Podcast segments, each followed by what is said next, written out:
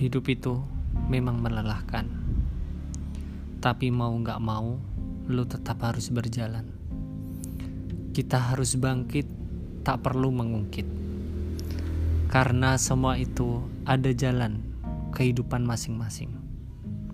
Tak perlu berlarut dalam kesedihan. Tak perlu kau memikirkan keraguan.